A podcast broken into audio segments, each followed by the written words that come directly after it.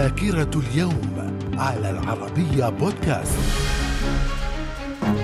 أهلا بكم إلى ذاكرة اليوم الثامن والعشرين من يناير ففي العام 1479 توقيع معاهدة بين الدولة العثمانية وجمهورية البندقية القوة التجارية الكبرى في أوروبا. في العام 1788 بريطانيا تنشئ أول مستعمرة مجرمين في بوتاني باي بأستراليا.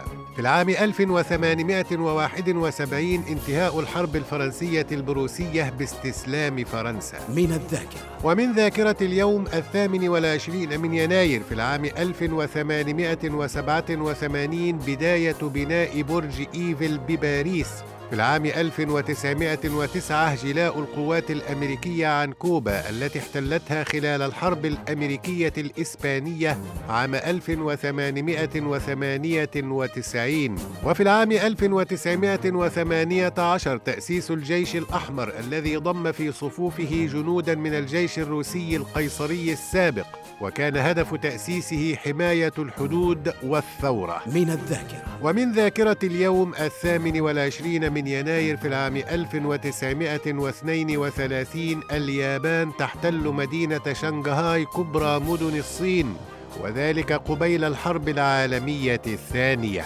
وفي العام 1957 بداية إضراب شامل في الجزائر سمي بإضراب الثمانية أيام لدعم ثورة التحرير الجزائرية. وفي العام 1973 بدء سريان وقف إطلاق النار في فيتنام في الساعة الثامنة صباحا بتوقيت سيجون من الذاكرة. ومن ذاكرة اليوم الثامن والعشرين من يناير في العام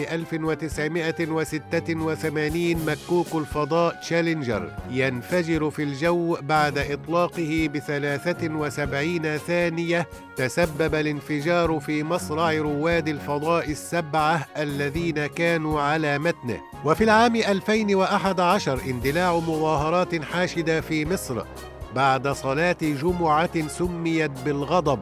وذلك في اليوم الرابع من بدء المظاهرات المطالبة برحيل الرئيس محمد حسني مبارك. في العام 2018 اندلاع اشتباكات عنيفة بين قوات المجلس الانتقالي الجنوبي وحكومة الرئيس عبد ربه منصور هادي في عدن جنوب اليمن. من الذاكرة ومن مواليد اليوم الثامن والعشرين من يناير في العام 1831 حيدر الحلي شاعر عراقي في العام 1930 عبد الله غيث ممثل مصري. في العام 1938 ولد نبيه بري رئيس مجلس النواب اللبناني. وفي العام 1950 ولد حمد بن عيسى بن سلمان آل خليفة ملك البحرين. من الذاكرة. ومن وفيات اليوم الثامن والعشرين من يناير في العام 992 جوهر الصقلي أحد كبار قادة الدولة الفاطمية.